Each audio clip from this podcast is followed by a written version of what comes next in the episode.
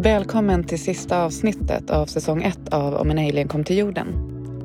Det har varit otroligt roligt och känns så meningsfullt att ha de här samtalen. Och jag vill tacka alla gäster som så generöst delat med sig av sina tankar och känslor under denna säsong. Och alla lyssnare som lyssnar, delar, recenserar och hejar på. Det betyder så mycket. I det här avsnittet har jag ett samtal med min vän Robin Stjernberg som är artist, producent och låtskrivare. Och vi pratar bland annat om kreativitet och prestationsångest. Du lyssnar på Om en alien kom till jorden-podden och jag heter Therese Storm. Nu ska vi göra det lite mysigt Tessie. Och jag kommer att tända några ljus här så att vi är redo att snacka. Vilken stämningshöjare. Ja men jag är... Det är lite Arne Weissigt med mig. Mm. Jag gillar ju när det ska vara ljus.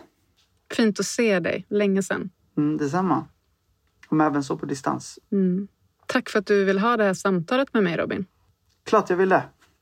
Det är alltid trevligt att prata med dig. Mm. Kanske då lite, alltså jag vet inte hur, eh, hur mycket historia, men vi kan ju berätta att vi har känt varandra ett tag Mm. i alla fall. Men kan inte du dra vår lilla story då? En liten backstory. Jo men, backstoryn är ju eh, att du ville prata med den mäktiga Robin Stjernberg så du ringde honom. Exakt. Nej. Den mäktiga! Fy fan vad töntigt. Vem säger ens mäktiga? Nej. Nej men vi har känt varandra några år nu. Ehm, via eh, din kära man. Mm. Kan man väl säga. Som också håller på med musik. Ja.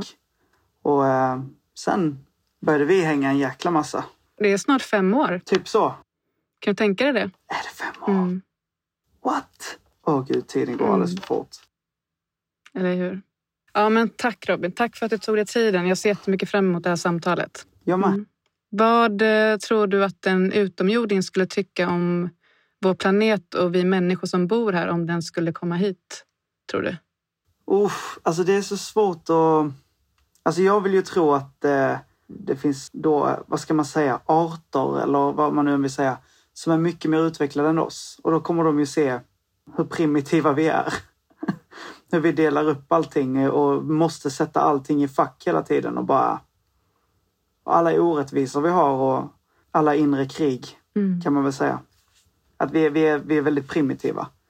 Men vem vet, den dagen det händer så kanske det visar sig vara en liten mask som kommer från rymden och eh, typ inte är lika utvecklad. Det vet man inte. Det har varit en tråkig tanke tycker jag. Jag vill hellre möta något som har, som har levt lite och som kan ge oss lite visdom. Mm. Är det inte en ganska intressant tanke att de flesta som man frågar den här frågan till automatiskt tänker, eller det kanske då är önsketänkande, att det är en mer utvecklad form som kommer hit? Eller har det mer att göra med att, att det är kopplat till att de har tagit sig hit och då tycker man att de borde liksom vara så pass utvecklade? Ja, alltså det, det borde de ju kanske.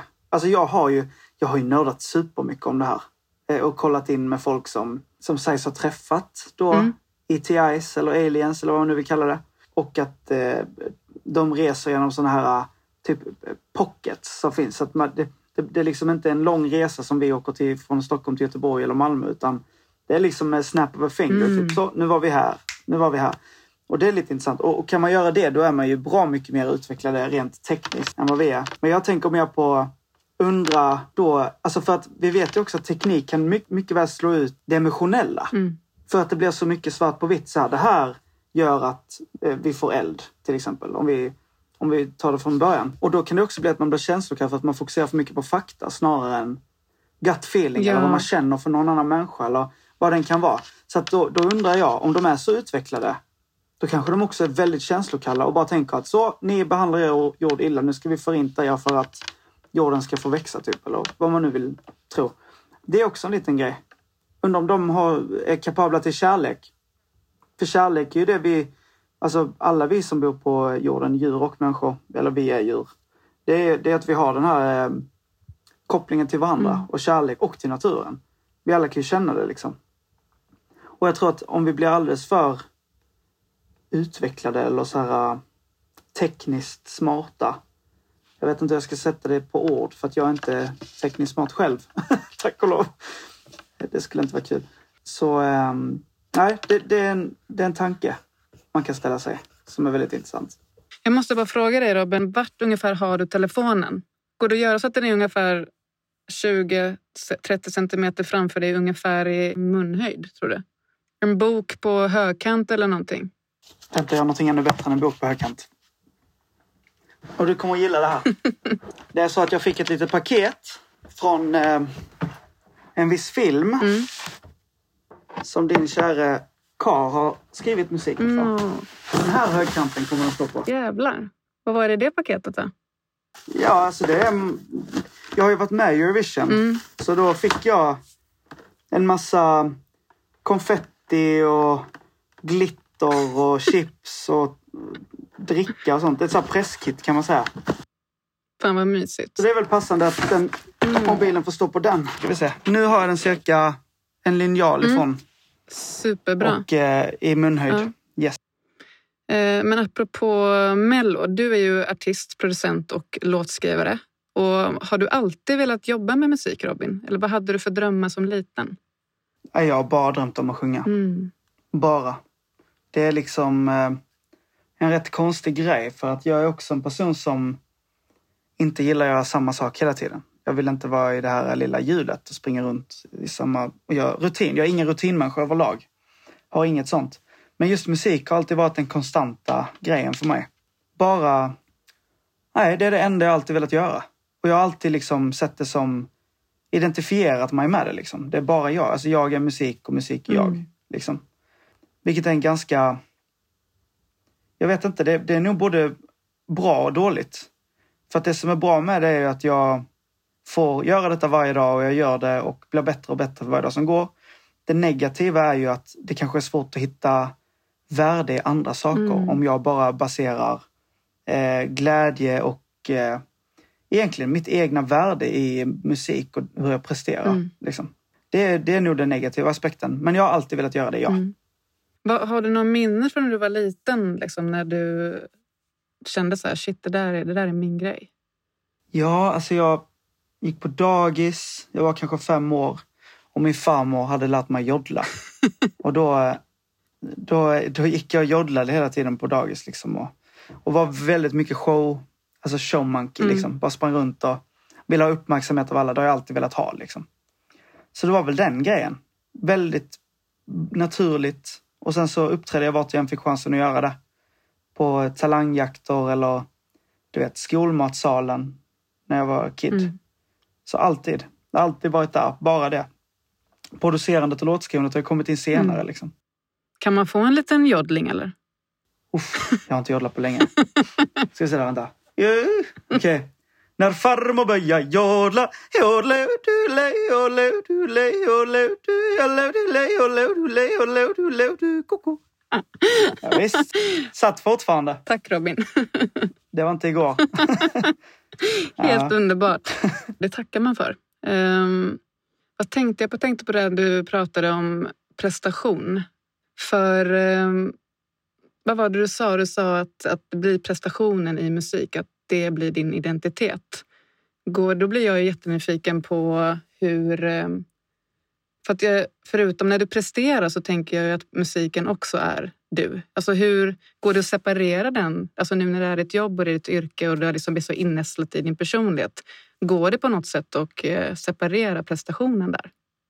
Om du förstår min fråga. Ja, jag, förstår, jag förstår helt din fråga för att det är nog det som vi alla, jag tror din eh, kära man kan relatera också. Det är liksom det svåraste balansgången som finns för att man älskar det här så otroligt mycket och det fyller upp hela ens person. Och jag har alltid liksom baserat min glädje på hur det går med musik. Mm. Alltså, en dag på jobbet, jag går in och gör en låt. Och är det en grym låt, då kommer jag leva på det. Och du vet, sova lugnt och skönt. Gör jag inte en bra låt den dagen, då tidigare har det varit väldigt tufft för mig att ens sova. Mm. För att jag blir så, trycker ner mig själv, bara fan du är inte kapabel. Och, men nu när jag blivit äldre så har jag börjat så här fatta att det får liksom inte, det får inte finnas plats till ego i musik och det får inte finnas plats till att du ska ta åt dig crediten själv. Mm. Utan råkar jag göra en bra låt då brukar jag skylla på att det var eh, något som kom från rymden där som bara sappade mig. Typ. Och bara, nu, nu, var, det, alltså som, både jag och min kära mentor Bobby ser det på samma sätt. Att det är som en... Man bara sitter där och vaskar guld nästan. Vid pianot i mitt fall då sitter där och bara kör, kör, kör. Och till sist, utan att jag själv gör någonting, så känns det som att det bara öppnas upp en kanal till universum nästan. Det låter flummigt, men det, det, det är liksom så här... Det känns inte som att du själv gör Nej. det ens. Det känns inte som att du själv skriver det. Och det är de stunderna jag lever för. Det är de stunderna jag letar efter Mm. hela tiden. Och å andra sidan, är det de stunderna jag, jag baserar min lycka på, då kommer jag inte vara en lycklig människa. För att det händer inte så ofta.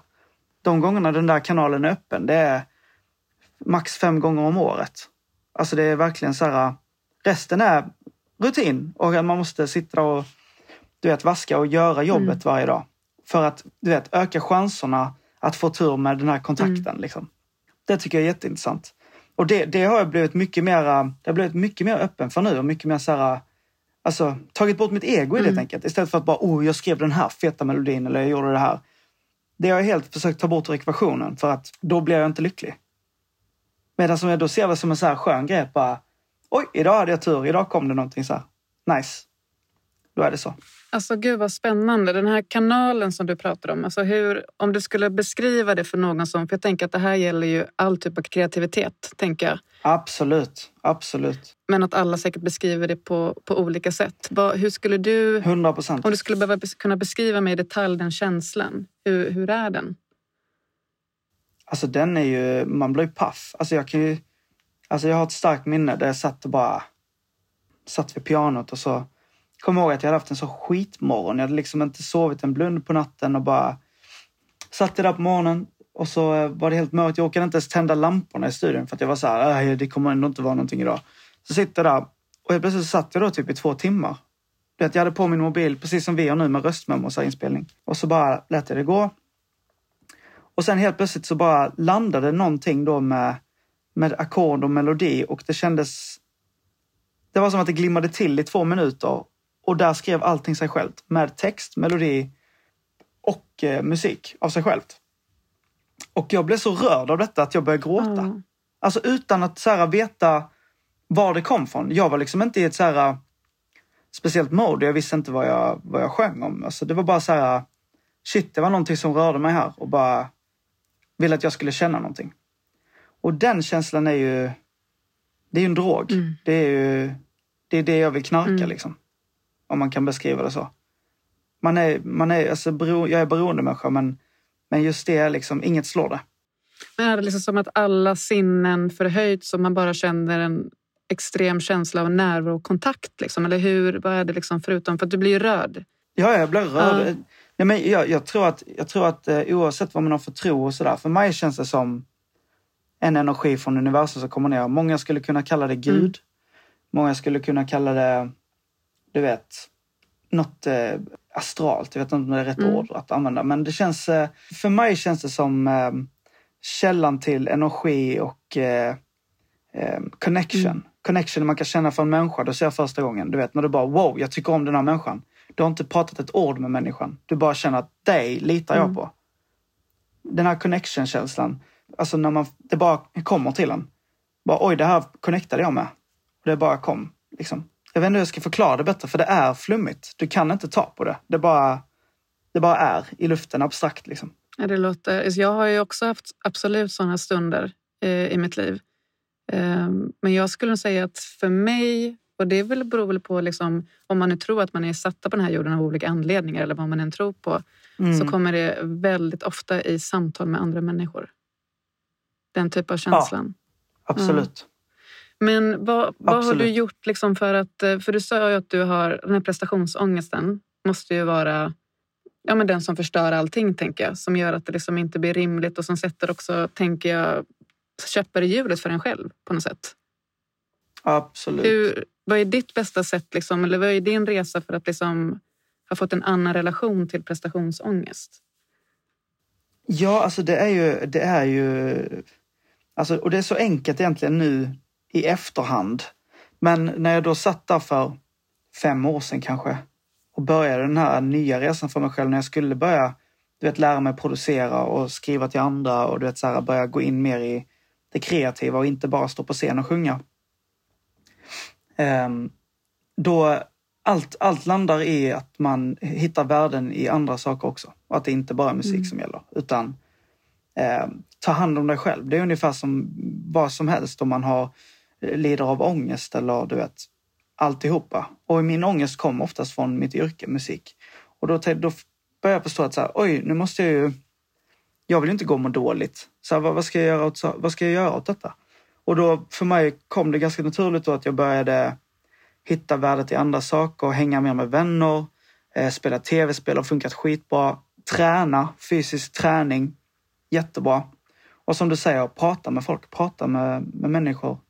Eh, både som eh, kan relatera till det du känner men även andra som andra är synvinklar på det. För det är också väldigt Ja, det är viktigt. så viktigt. Så det är verkligen det. Så, att, så att det för mig har hjälpt och framförallt tid. Att jag har blivit äldre. Jag är liksom inte 24 och eh, utforskar allting samtidigt. Mycket intryck liksom. Nu, nu har jag lärt mig att så här, veta vad jag vill lägga energin på, vilka jag vill lägga energin på. Det har bara fallit på plats mer liksom. Och sen vet jag att jag har en bit att gå fortfarande men jag mår väldigt mycket bättre nu. I den kreativa Mm. processen också. Gud vad underbart. Ja, vi kommer, man kommer väl hålla på tills den dagen man tar sitt sista andetag, tänker jag. Det hoppas jag. Mm. För att fan vad tråkigt om man blir färdig nu. Då finns det ingen anledning att leva längre. Vad är ens färdigt? Nej men, ja, men alltså, alltså, det var intressant det du sa där för att det är verkligen så.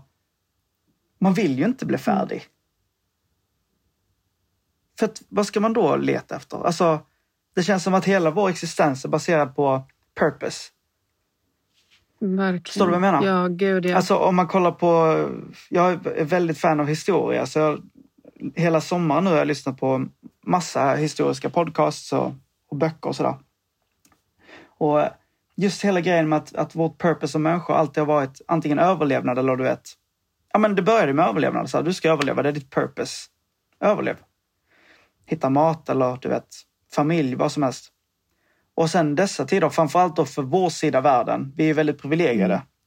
Då har den här överlevnadsgrejen försvunnit. Och nu handlar det mer om att leva det bästa livet. Mm. Typ så här, ha de fetaste grejerna eller... Men så nu, nu är det som att vi, vi alla strävar efter att ha det bästa livet Mm. och har också svårt att hitta vårt purpose. På det sättet. För nu vill man ju så här, ha mest följare på Instagram och mest likes och jävligt stressigt alltså. Mm. Oj, oj, oj. Och jag tror inte att det heller liksom ger ju inte... Det ger ju inte näring till... Alltså nu, alltså nu låter det som värsta klyschan, men det är ju inte, ger ju inte näring till själen in the long run. Alltså det är ju en Nej. rush som man kanske kan få i stunden, men du kommer inte få den här närvaron och kontakten som själen behöver av det. Så det blir nästan lite motverkande syfte nästan. För du tror du kan känna dig kanske ännu mer tom Exakt. ifall du fortfarande känner dig förvirrad och så har du liksom miljoner följare på Instagram. Exakt. Ja, ja. Och det, det säger ju ofta de som har alla de här grejerna att det gör dem inte lyckligare. Liksom. Men, men eh, jag vet inte hur vi kom in på den här purpose-grejen. Du frågar någonting. Ibland kan jag babbla hål på mig själv. Ja, men jag är ju likadan. Jag tror att vi började med eh, hur... eh, Grundfrågan var nog från början hur, du nu har, eller hur ditt förhållningssätt till prestationsångest har, har förändrats. Ja, ja. Exakt. Ja, men, och det, det har förändrats eh, avsevärt hur som helst de senaste åren. För att jag har fattat att om jag bara ska vara lycklig när det går bra för mig, då kommer jag aldrig vara lycklig. För att eh, det går aldrig alltid bra för folk. Utan alla har vi upp och nedgångar. Och det gäller ju att, eller i mitt fall så vill jag vara lycklig genom allt. Ja. Jag vill känna allting och jag vill känna, ha mer balans i mitt liv bara. Och det, det är det jag strävar efter liksom. För att jag är inte i grunden jättebalanserad. Eh, Så då, då är det jag jagar Ja. liksom. Hitta balansen så att jag kan hitta lyckan i, i alla andra grejer också. Mm. Till exempel att bara få gå till studion varje dag. Där hittar jag lycka. För där är jag privilegierad som får göra det liksom. Alltså det är ju väldigt, eh, det är väldigt lätt att glömma bort var, var man kommer ifrån. Och tänka att det man har idag kanske var sånt som man bara drömde om förut. Exakt, exakt så. Det känns som det är väldigt mänskligt och framförallt då i dessa tider som vi lever nu då kanske när allting ska vara så maxat hela tiden. Mm. Verkligen. Men vad, vad är du mest stolt över i ditt, eh, i ditt liv? Oh, jävlar vilken fråga! Vad är jag mest stolt över i mitt Mm. liv? Oj. Oj, oj, oj, oj. Vad är jag mest stolt över i mitt liv? Jag tror det är... Åh, eh... oh, gud vilken svår fråga. Jag skulle nog, alltså det, det som kommer spontant är att jag är väldigt stolt över att alltid ha gått min egen väg mm. och alltid så här, strävat efter att få leva mitt liv som jag vill göra det. Det vill säga inte... Alltså, och du vet, och det, detta har ingenting med att göra att det är bättre för att... Det är din väg bara. Det är min väg och, och den vet jag vad jag gett mig in på. Jag vet att du kommer inte alltid vara trygg. Du, du kommer, du vet, gå tillbaka lite till eh, det här med purpose mm. som jag sa med att back in the days handlar det om att överleva. Så är det lite för mig. Ibland så är jag i en situation där jag måste överleva och ibland i en situation där jag har det väldigt bra. Både ekonomiskt, känslomässigt. Um, kommer alltid få liksom ha den där fighten. Vilket jag tycker är, um, det ger mig mening. Typ. För, för, och, och kvittot av det är att jag får leva mitt liv som mm. jag vill. Du vet, jag måste inte gå upp klockan åtta på morgonen varje dag och jobba till fem, eller vad man säger. Utan det är väldigt eh, fritt så sett. Jag kan åka till, eh, eh, till en stuga i Norrland och jobba om jag vill det en vecka utan att känna att det på, påverkar. Liksom. För att jag jobbar eh, för mig själv, eller vad man säger. Så då kan man säga att frihet är en väldigt stort värdeord för dig? Ja, det är det. Mm. Det är det. Och... Eh, det, det, finns för och nackdelar med allting, men det är så jag vill leva och det är så jag alltid har levt mm. det. Liksom. Så det, det, skulle jag säga att jag är stolt över, att jag, att jag går på den även när folk har sagt till mig sen att jag var ett litet barn. Mm. Um, ha en plan B. Gör det här. Uh, var smart nu. Plugga. Gör det där. Det, jag gick alltid min väg där mm. faktiskt. Så det är jag stolt över. Jättefint. Hur skulle du beskriva dig själv som person för någon som inte kände dig? Jag skulle säga energisk, ofiltrerad och empatisk. Vad tror du är den vanligaste fördomen mot dig själv? Största fördomen? Oj, oh, jag vet inte alltså. Jag, alltså jag, det är faktiskt svårt alltså för att jag, jag kommer ihåg att jag tänkte så för tio år sedan när jag började och började bli offentlig och sådär. Då tänkte jag att folk tror vissa saker liksom. Men jag har helt stängt av den där, det där tankesättet typ. Jag skiter i sånt. Det låter ju otroligt skönt. Ja, men jag har inte ens reflekterat mm. över det. Alltså framförallt när det kommer till eh, bilden av mm. mig. Sådär. Utan jag, jag kan ju inte göra mer än att vara mig själv. Eh, jag bryr mig mycket mer om vad vänner tycker om mig. Och sådär, folk som är nära mig. Sådär, men då säger ju folk oftast från ja. till mig om jag är, är på något sätt. Så att eh, det kan man ju... Annars vet jag inte. Fördom? Nej, jag vet faktiskt inte. Jag kan inte svara på det ens. Det låter hur skönt som helst. Ja, det är ganska skönt.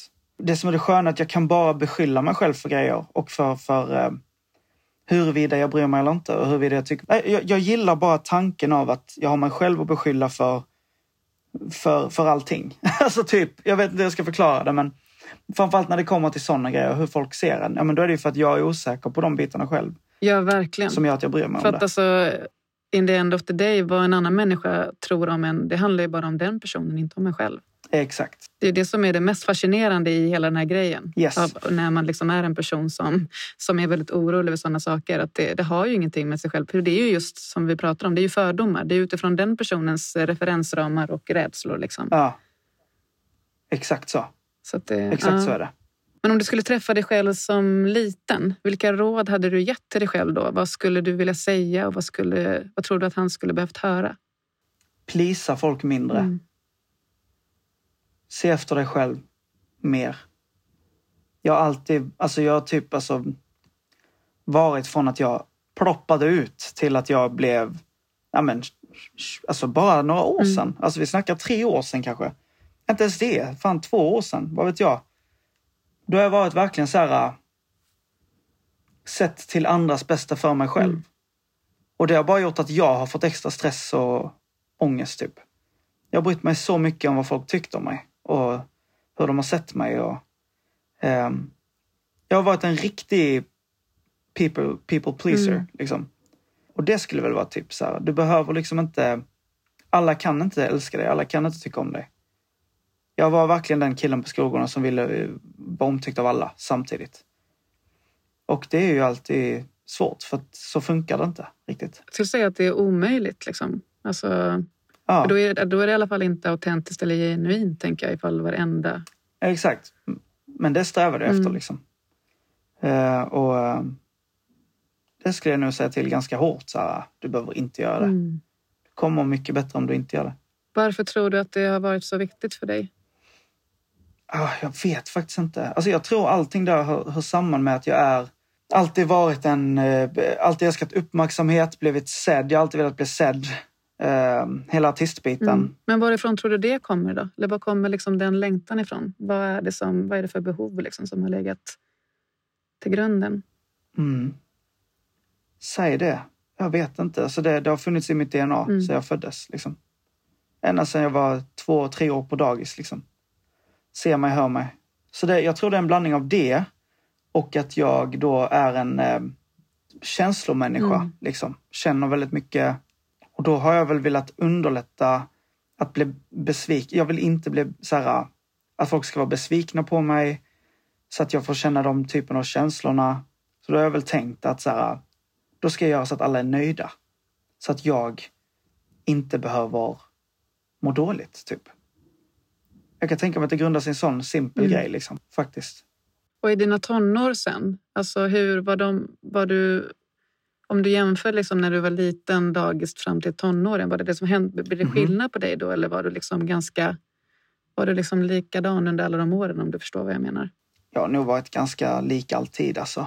Alltså när det kommer till mina personlighetsdrag och traits så har jag nog alltid, alltid eh, haft de dragen, faktiskt. Sen såklart att eh, ju äldre man blir så desto mer bör man connecta med sig själv och förstå att så här, men det där mår du inte bra av. Du ska nog backa på det. Men det är inget som går över på en natt och dag så att det har tagit många år och, av att leva och eh, uppleva. Mm. Liksom. Så att jag tror att jag alltid haft de, den typen av drag. Jag har alltid varit en liten, en eh, liten, eh, vad ska man säga, en liten clown och lite uppmärksamhetskåt. Mm. Liksom. Men tror du att, att du vet, den myten om den gråtande clownen, är det, har det någonting med det att göra eller är det bara att du har liksom en, eh, att det är mer... Vad är myten om gråtande clownen? Det har jag aldrig hört. Jo, men alltså att, att alltså den här clownen och alltså entertainen, att man så himla gärna vill entertaina och göra folk glada för att man själv inte mår så bra och är ledsen. Ja, kanske. Fast jag, jag var en glad unge alltså. Jag var ju det. Det var nog mer bara att jag gjorde allt för att inte må dåligt. Mm. Jag tror jag var rädd för det. Du vill inte uppleva de negativa, alltså du var så pass känslig och vill inte liksom, de jobbiga känslorna var så pass jobbiga att härbärgera liksom. Exakt. Ja, kan verkligen känna igen mig i det där alltså. Absolut. Absolut. Men om vi går tillbaka till det här med eh, det kreativa och prestationsångesten. Mm. Vad, eh, om det är någon som själv, som, någon som lyssnar nu som, eh, som själv har mycket prestationsångest. Vad skulle du vilja skicka med för liksom, tips kring det? Alltså egentligen inga tips för att vi alla har våra olika processer och ja, olika kreativa hjärnor. Det är det som är det mest fantastiska med att få vara människa. Att vi har verkligen unika hjärnor, vilket är helt sjukt. Vi är så mycket människor, men vi är fortfarande unika och det är något som är otroligt fett att tänka. Verkligen. Och det gör en mer ödmjuk. Så att det, det enda tipset jag kan ge till alla kreatörer där, det är att veta att vi är i samma båt när det kommer till pressen och stressen och det kan... Det finns så många olika grejer som kan spela in i det där. Men, men det bästa är att man bara ska följa sin egen grej. Och vad jag har märkt på mina vänner som, som gör samma grej och är kreativa, när de blir som lyckligast, det är då det går som bäst. Och det går som bäst när de gör sin egen grej. Mm. Och går helt från sin magkänsla bara skygglappar på. Helt ärligt, skit i att kolla vad alla andra gör. Bara kör på din grej och gör det som gör dig lycklig. Skit i att följa någon mall. Bara lek och ha kul och låt kreativiteten vara så fri som den bara kan vara. För att det är då du är som mest connectad med, med detta universumet som du bara kan vara. För att, det, alltså, Vi är på ett litet klot som svävar i rymden. Alltså, om du bara tänker på det och bara fattar, fattar då att så här, du gör vad du vill. Vi har bara så mycket tid. Gör vad fan du vill. Och skit i vad alla andra tycker. Men, men också veta att eh, du är inte ensam om att känna dig pressad eller stressad eller ha ångest över, över hur du presterar. För det, det har vi alla. Ja. Vilken nivå man än är på så har vi alla det. ja, vilket yrke som helst tänker jag också. Bara vara människa. Absolut. Absolut. Och där är vi inte ensamma. Vi är ju connectade med Mm. varandra. Även om vi har olika hjärnor så är vi ju vi är ju samma. Mm. Vad, ehm, har, alltså är det någonting som du... Eh, något verktyg som du använder i livet just nu som, du, eh, som funkar väldigt bra? Jag vet inte ifall du, du nämnde träning. Finns det någon annan, något annat du gör som är liksom... Det där kan inte jag riktigt vara utan. Det där behöver verkligen jag för att få den här balansen eller vad man nu väljer att kalla det. Ja, alltså. Jag behöver leva utanför mitt jobb. Det har jag märkt. Även om just nu är jag i en period när jag har suttit eh, 15-16 timmar om dagen i studion varje dag utan paus. Och det kan få vara så ibland. Men nu är det viktigt för mig att jag vet när jag ska ta pauser. Typ eh, när jag har suttit i studion, kanske det är lunch, så går man och käkar en lunch och sen bara, men vet ni vad? Nu går vi och spelar lite discgolf Ja. och bara pausar hjärnan helt. Gustav var så... Du har ju verkligen sålt in det här till honom med 110 procent. Ja, men det är, så, det är så nice. Jag spelar ju varannan dag minst. Och det är bara en enkel timme där du helt pausar hjärnan. Du fokuserar bara på att kasta en liten disk i en korg. Mm. Det är en så simpel grej, men den ger mig så mycket. Det är ett tips. Alltså bara, bara gör någonting annat. Och framförallt då om man är i en situation där man när det kärvar lite, man bara jag kommer ingenstans med det jag håller på med nu. Bara det när du gör. Ta en paus och verkligen unna dig själv det. För att eh, det är 100% större chans att du kommer kunna gå tillbaka till det du ska göra och uppnå det om du får en paus än att du sitter där och tragglar och det blir ännu mer ångestfyllt och det bara, det leder ingenstans. Och det slutar med att du inte gör någonting den dagen. Då är det bättre att ta en paus och bara, du får mycket mer jobb gjort och du blir mer effektiv. Så det, det gör jag ofta nu. Tar de där pauserna och bara, nu ska jag spela lite spel eller nu ska jag kasta discgolf eller vad den kan vara. Alltså det där känner jag också igen så himla mycket. Alltså, jag är också en ganska energisk personlighet så när jag väl liksom börjar med någonting, Ja. speciellt om det är kreativt, så Ja. blir man ju så insnöad. Så att det, alltså där Yes. krävs ju verkligen för mig disciplin att ta de här pauserna. Men om jag inte tar dem så... ja, men Jag dränerar ju mig själv på plats om jag inte gör det på ett annat sätt. Liksom. Mm. Uppfattar jag dig rätt? Liksom? Är det ungefär det du beskriver? Nej men, 100 procent. Absolut. Absolut. Och Man måste få ge sig själv tid och bara... Precis som allt annat. Alltså om du skulle springa på ett löpande 14 timmar, då måste du få komma hem och vila lite. Alltså det är så här... Ta din vila. Vi är inte gjorda för att vara robotar som funkar 24-7. Utan sömn är skitviktigt. Allt, all, alla sådana grejer. Jag har inte börjat meditera ännu. Och det är en grej jag verkligen vill börja göra. Jag ska komma dit. Det är mitt mål. Men eh, för mig är meditation att bara ta en paus och göra någonting annat. Så. Så man kan ju meditera på så många olika sätt. Det är ju inte bara att sätta sig ner. Eh, Och jag har ju förstått det. Mm. Nej, exakt. Jag har förstått Mm. det. Och det är all- allt som gör att din hjärna pausar. Ja. Jag tror det bara är så här... Det är no-brainer. Mm. Det är klart du måste pausa. Ja. Det har jag inte fattat förrän senare. Alltså så som du beskriver eh, discgolf. Så som du beskriver Ja. det, att du liksom är bara i stunden och är där. Det är ju det, är ju det man vill uppnå med meditation. Ja, och jag älskar ju fysiska grejer Mm. med för att jag är väldigt fysisk av mig. Och tycker det är, för att då fokuserar min hjärna på, på att få min kropp att röra sig på rätt sätt. Så då har jag inte tid att tänka på, på annat. Mm. Liksom. Så det tycker jag är väldigt kul. Och framförallt det du får med discgolfen. Nu ska jag plugga discgolf här i, i din eh, kanal. Det är att eh, man går ut i naturen och du går in i skogen och du tar med dig en vän eller två. Du kollar inte telefonen, så du hänger med dina polare utan att ha telefonen till hands. Du har en liten plastbitdisk, men du är i natur och du får så mycket serotonin som bara pumpar din hjärna. Alltså man blir, för att så är det när du går ut i skogen. Det, det är en helt annan grej. Du bara syret och det gröna, du bara grönt vart du än kollar liksom. Och grönt är ju den färgen som lugnar oss. Så det är så här, det bästa jag vet. Alltså, jag har blivit helt frälst av discgolf. Så om ni inte har provat det, gör det. Kör! Så jävla kul. Nej men det är så jävla kul. Och sen älskar att tävla också. Jag tycker det är skitkul att sätta press på mina kompisar. Bara, jag kommer att krossa er. Så här. Men, men just hela grejen, effekten av att man går... Ja, men alltså, när jag kör så är det att man ändå snittar en 10 till 15 000 steg. Och du tänker inte ens på att du har gått dem. Och så gör du det i naturen. Det är så jävla lyxigt. Ja, men det är så lyxigt. Ja men gud vad mysigt. Jag kanske får följa med någon gång och slänga en sån här liten disk. Nej, det måste du. 100 procent. Alltså jag, jag försöker frälsa alla med det här. Jag var på en eh, releasefest nu eh, för det här svenska bandet Estraden. För vi hade en singel. Deras förra singel skrev jag och min kompis. Ja, grattis till singeln Robin. Tack, tack, tack. Jag tycker den blir jättefin och de är superduktiga. Men då hade de en eh, fest liksom och då var det massa folk från branschen där. Och det var inte som att jag pratade musik med någon utan jag bara sa ni ska börja med discgolf. Vi alla ska börja med discgolf. jag har försökt liksom sprida ordet. Jag tror att det är precis vad kreatörer behöver. Ja. En liten paus från att sitta och bara skapa. Det är skönt att, att göra något annat ibland också.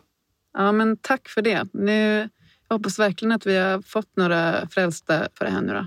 Ja, men jag tror att om en alien kom till jorden då skulle de gilla det för att de är ju formade som tefat. Det är att, klart. eh, Det är ju deras sport. så de skulle ju älska det. Det är deras sport. Jag tror det. 100 procent. Vad tror du en alien skulle sagt om, eh, om den kom hit och liksom kanske hade då ett lite högre medvetande, vi leker med den tanken, Ja, ja, ja. och skulle se all den här liksom prestationsångest som vi människor satt med. Jag tror du att de hade tänkt kring det? Ja, alltså nu är det samma tanke som vi var inne på i början. Så det beror sig på. För om de är så hashtag allvetande Mm. eller vad man säger och bara så här äh, fokuserar på alla sakliga saker. Då tappar man ju väldigt mycket äh, känslor och du vet empati och sådana grejer. För att, eh, då, då innebär det att eh, vi säger att vi är kära. Då vill vi kanske ha ett barn ihop för att vi älskar varandra och vi skulle vilja skapa någonting ihop. Medan för dem blir det bara reproduktion. Det är så här, för det vidare, boom. Eh, nurture this baby, det ska ha de här vitaminerna, ba, ba, ba. Du vet så här, det, det blir... Så jag vet inte vad, vad, som, vad de skulle säga alltså. Jag tror att eh, de skulle nog tycka det var nonsens. Förstår Mm. du? De, de kanske inte ens... Eh, Lite fluff liksom, mjuka värden som inte är effektiva. Ja, jag vet inte om de är kapabla till att känna det då. Liksom, Mm. För att de har alla svar förmodligen då och bara är liksom så här, nej men det kan du få bort genom att injicera det med det här och så stänger man av det där och då kan du göra det här. Förstår du vad jag Ja. menar? Medan, och jag, jag, vet, jag, jag vet inte. Vad, och just det här med konst och att vi är kreativa som människor. Det är någonting unikt alltså. Det är... eh, För att vad vill vi förmedla med konst? Det är bara en enda sak. Det är Känslor. att känna. Mm. Det finns, inget, det finns inget tekniskt i konst. Konst kommer bara från en plats där vi vill uppfylla någonting för oss själva och att vi vill få andra att känna detsamma. Mm. Vi vill connecta med varandra. Och så jag tror att eh, de skulle nog inte fatta någonting av det. Prestationsångest, jag tror inte skulle fatta musik. Vad vet jag? Mm. Eller så öppnar vi upp deras ögon. Eller så är de ett, ett är deras allvetande att de är jättekänsliga och inte har kunskap om sånt utan de bara baserar allting på känsla. Mm. Det vet ju inte vi heller. Nej. Men om vi leker med den tanken då? Skitintressant. Fan vad jag hoppas. Ja, jag hoppas bara att vi får se det. Jag hoppas att de kommer. Kan de inte bara komma så vi får veta? Ja, men om vi leker med den tanken att de, att de är liksom, har värld, alltså den mest utvecklade EQn ever. Ja. Hur hade de sett på prestationsångesten då, tänker du? Eller tror? Men då måste ju de gå igenom det själva liksom och veta och, och ha, ha andra liksom svar på hur vi ska hantera det säkert. Det är rätt lustigt för att vi har ju bara fått för oss att de är före oss rent tekniskt. Förstår du? Det är det alla tänker om man säger Mm. aliens. Det är så här, ja men de kan ta sig hit, de är långt före oss tekniskt. Men EQ, Mm. den frågan ställer man sig inte. Intressant. Väldigt intressant. Jag har faktiskt ingen aning. Mm. Jag har inte ens tänkt tanken. Jag har bara snöat in mig på allt annat utom det faktiskt. Men från det ena till det andra. Den personen som du är idag, om du tittar liksom genom ditt liv, vad, vad är det för, liksom för olika saker som du ser har liksom format dig till den som du är idag? Är det liksom några speciella liksom händelser eller så som du känner liksom att det här, det här gjorde mig till den som jag är idag? Alltså det finns nog några sådana nedslag. Alltså, från att växa upp med min pappa och min syster främst, min farmor och min faster. Min mamma eh, har varit sjuk så att jag inte växt upp med henne alltid. Det har format mig och sen så tror jag att jag valde en väg som att jag ville stå i rampljus. Det har format mig. Att göra både Idol och Melodifestivalen när jag var så ung, 19 till 22 år gammal. Eh, det har format mig till att jag sen ville då backa lite och så här, vem är jag? Jag vill ju skapa mer. Jag vill inte bara stå där och sjunga utan då gick jag in i det liksom och för att lära känna mig själv ännu mer. Det har absolut format mig. Och sen främst människorna i mitt liv. Mm. Alla de människor jag har runt omkring mig, har haft runt omkring mig. Jag tror det är det som formar oss väldigt mycket. Ja. Vi är flockdjur liksom. Så att jag tror att jag blivit väldigt påverkad av, av alla människor runt omkring, både positivt och negativt. Det är någon speciell, liksom, mer personlig händelse som du liksom precis som du säger, något speciellt nedslag som du skulle vilja dela med dig av? Det är så svårt. Alltså jag har nog inte själv reflekterat över om det är något speciellt nedslag utan jag vet faktiskt inte. Alltså jag tror att jag, sen jag växte upp så har jag alltid vetat vad jag vill göra och vart jag ska. Jag har liksom alltid kastat ut grejer. Det finns ju verkligen en sån grej att man kastar ut saker i universum för att det ska, att det ska hända på riktigt. Jag har varit så sedan jag var liten. Jag, även om folk inte trodde det själv så stod jag på så här små scener när jag gick i femte klass och skrek ut så här, Hallå Globen! För att min dröm var att stå i Globen. Och alla skrattade åt mig. Varför skriker han Globen? Du står på torg i Kristianstad. Men sen stod jag där i Globen. Och samma sak när jag gick i skolan. Så I grundskolan så visste jag då att alla i min grundskola, vi är typ obligerade att börja på ett visst högstadie. Och då kände jag redan då att jag vill inte börja på det här högstadiet för att jag kommer inte må bra mm. där. Och då av mig själv och min egen kraft så bara, jag ska till någon helt annan skola där jag inte känner en enda människa. Och det tycker jag är ganska starkt som, alltså i den åldern liksom. Ver verkligen handlingskraftigt. Exakt, mm. och jag gjorde samma sak när jag skulle börja gymnasiet. Och vi hade ett musikgymnasium i min hemstad, men jag ville gå någon annanstans. Jag ville gå i Kristianstad. Så då tar jag mig dit och ytterligare där kände jag inte en enda innan jag började. Så jag har alltid följt min egen magkänsla så här och jag vet inte vad det beror på. Men jag har alltid haft den grejen. Mm. Och alltid vågat drömma. Jag har alltid varit en stor drömmare. Vi har kommit fram till de eh, sista frågorna som jag ställer till alla gäster. Mm. Och den första är, vilken norm Robin skulle du vilja ändra på och varför? Oh. Alltså det finns många normer. Det finns så många normer och det är alltid så svårt för att alla är liksom equally viktiga. Mm. Jag brinner ju för eh, för just uh, hela grejen med mental illness-grejen.